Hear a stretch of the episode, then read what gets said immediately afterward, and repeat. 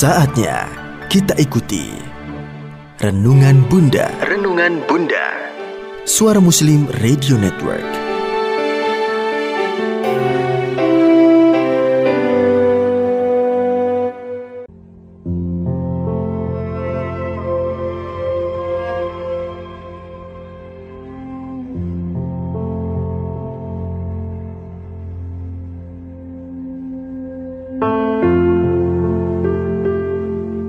A'udzu billahi minasyaitonir rajim. Bismillahirrahmanirrahim.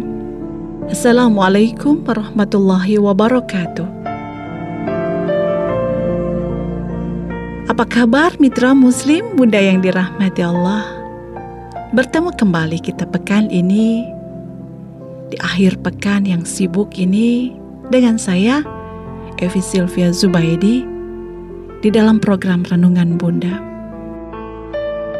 Semoga kita setiap harinya menjadi hamba-hamba Allah yang lebih baik, lebih baik, dan lebih baik. Lebih taat, lebih taat. Sampai kita husnul khotimah. Dan semoga rahmat hidayah Allah senantiasa menaungi keluarga besar kita ini. Amin, amin ya robbal alamin. Seperti biasa, pada malam hari ini kita mencoba untuk merenung. Yang kali ini bahasanya adalah tentang luar biasanya Al-Quran. Meskipun bahasan tentang Al-Quran sudah tidak akan kurang. Tidak akan pernah, tidak akan pernah berhenti.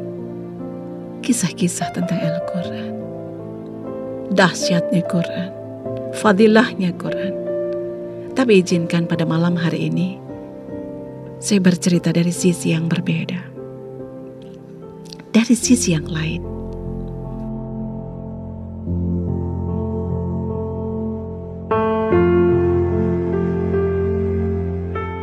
Dia sudah berani berbohong. Bahkan dia sudah tidak takut meninggalkan sholat.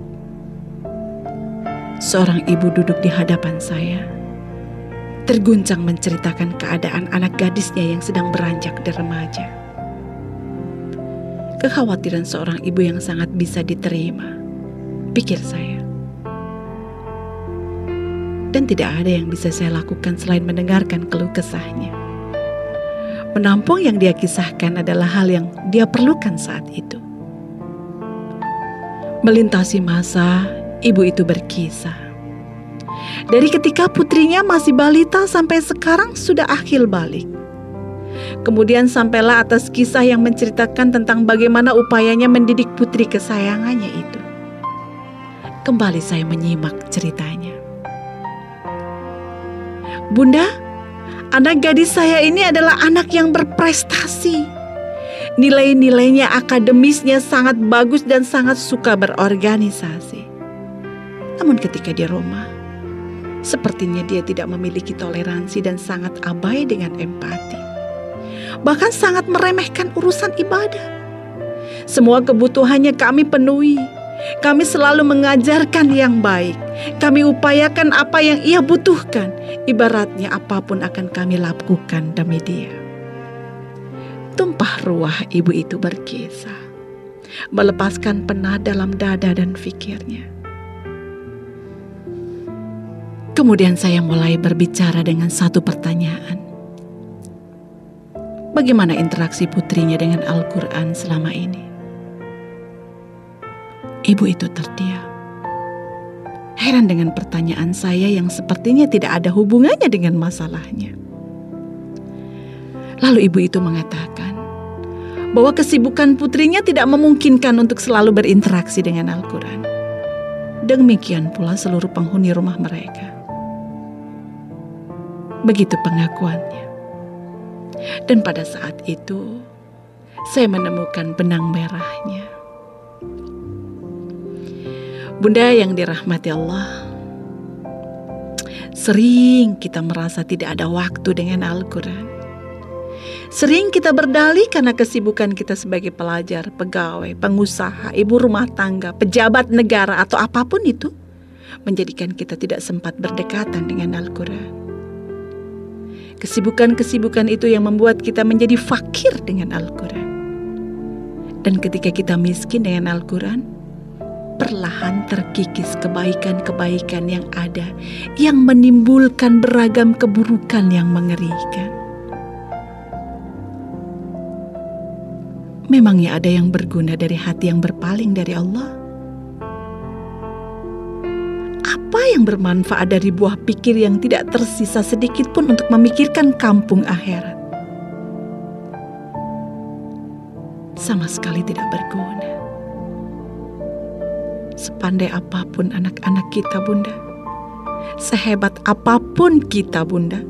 Seterkenal apa pun kita ini, tidak menyisihkan kebaikan sedikit pun meski itu untuk diri kita sendiri. Karena semua yang luar biasa itu tidak lebih dari 70 tahunan umurnya. Dan kemudian mati. Dan pada saat itulah kehidupan yang sesungguhnya dimulai.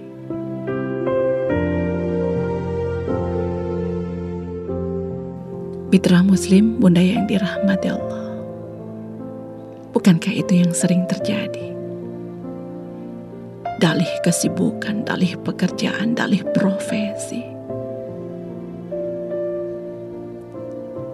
Yang menjadikan jarak yang sangat jauh dengan Al-Quran. Lalu begitu keburukan itu menerpa. Seolah-olah kebaikan-kebaikan yang kita kerjakan itu menjadikan sesuatu bagi kita luput mengevaluasinya. Lalu bagaimana seharusnya? Apa yang harus kita kerjakan?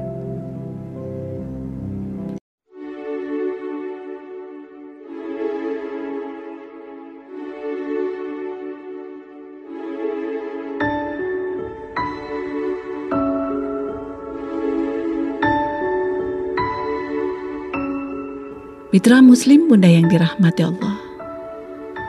Mari kita lanjutkan perbincangan kita. Dan semoga perbincangan ini mampu membuat kita merenung pada akhir pekan ini. Khususnya tentang kedekatan kita dengan Al-Quran. Teringat akan sejarah yang mencatat kisah anak muda belia yang ramai dibicarakan orang pada zamannya diperbincangkan karena kecerdasan pikirnya dan kebagusan akhlak. Dialah Abdul Malik, putra Khalifah Umar bin Abdul Aziz. Lalu apa kata orang-orang itu? Tentang Abdul Malik. Sesungguhnya dialah yang memberi motivasi kepada ayahnya hingga menjadi seorang ahli ibadah. Dan dia pula yang membimbing ayahnya menempuh jalan zuhud. Kemudian sang khalifah pun pernah berucap kepada putranya, Segala puji bagi Allah yang telah mengeluarkan dari tulang sulbiku seorang anak yang dapat membantuku melaksanakan agamaku. Allahu Akbar. Begitulah mitra muslim. Namun tahukah kita? Sejarah itu tidak akan terjadi begitu saja. Abdul Malik tidak dengan sendirinya menjadi pribadi mempesona seperti itu. Dia hidup dikelilingi orang-orang solih yang mengajarkan hidup, bukan orang-orang yang mengajarkan untuk berburu hidup. Ayah ibunya adalah pribadi-pribadi yang juga tercatat di dalam sejarah karena kemuliaan ahlaknya. Kaya mereka karena hartanya, terhormat mereka karena tahtanya, namun mereka mulia karena ahlak karimahnya. Namun ada garis tegas yang saya catat tentang Abdul Malik, yakni ia hidup bergelimang dengan Al-Quran dalam sejarah perjalanannya. Hidupnya berdampingan dengan Al-Quran. Dalam setiap peristiwa, entah untuk dirinya, keluarganya, atau umat yang membutuhkannya. Begitulah kehidupan Abdul Malik. Mempesona dengan Al-Quran.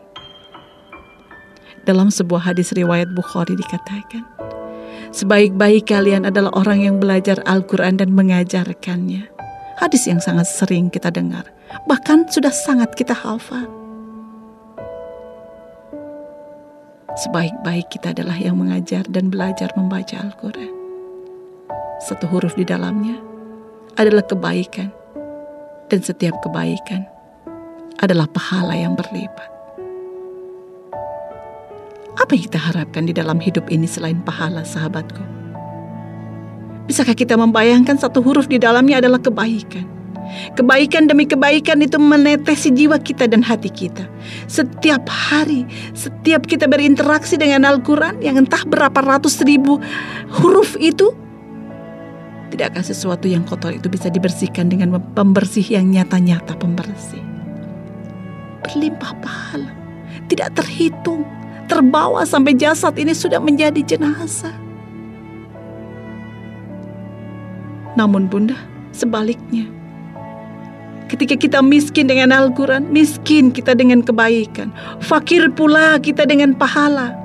Sedangkan kotoran kesalahan, kotoran keburukan, kotoran dusta, kotoran hasad, kotoran dengki semakin menumpuk dan berkerak, tak mampu dibersihkan. Karena tidak ada pembersih itu. Terbawa sampai negeri yang tidak seorang pun mampu menolong selain amal soleh. Duhai bunda, Tidakkah kita ingin berfoya-foya dengan kebaikan? Berbekal dengan kemewahan dan kemegahan Al-Quran. Karena ini adalah sebaik-baik harta yang kita punya. Ke mana pun kita pergi, kaya kita dengan keselamatan. Entah itu di dunia ataupun di negeri sana. Untuk itu tidak cukup hanya tahu, pahamilah Al-Quran. Bahwa Al-Quran membawa kepada kebaikan dan mengikis keburukan. Mendekatlah dan pahami karena Al-Quran itu adalah keajaiban. Kembali di dalam kisah di atas. Di hadapan bunda, seorang ibu bersedih atas anak gadisnya. Namun atas izin Allah, saya sudah tahu apa yang harus saya sampaikan untuk anak gadisnya, juga untuknya, dan untuk seluruh keluarganya. Lalu bagaimana dengan kita? Wahai bunda, sudahkah kita, anak-anak kita, pasangan kita, menjadi pribadi-pribadi yang mencintai Quran, yang banyak berinteraksi dengan Al-Quran. Karena sungguh tidak ada energi sebaik energi Al-Quran.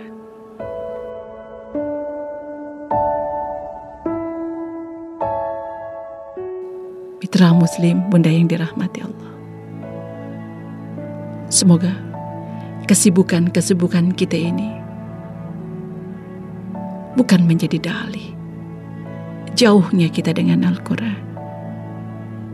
Namun semakin sibuknya kita ini, semakin mendekat kita dengan Al-Quran.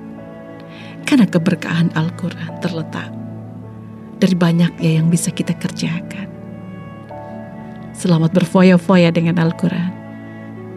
Semoga keberkahan senantiasa menaungi kita.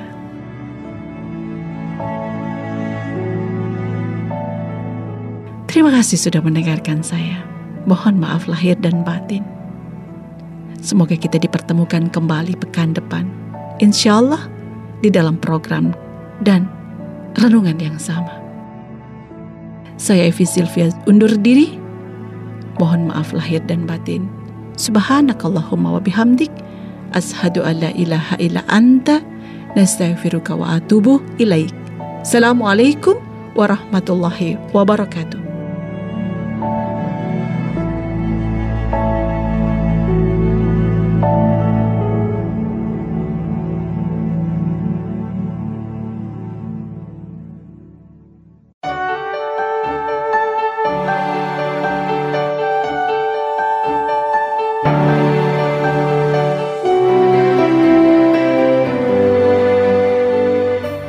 Baru saja kita ikuti Renungan Bunda. Renungan Bunda.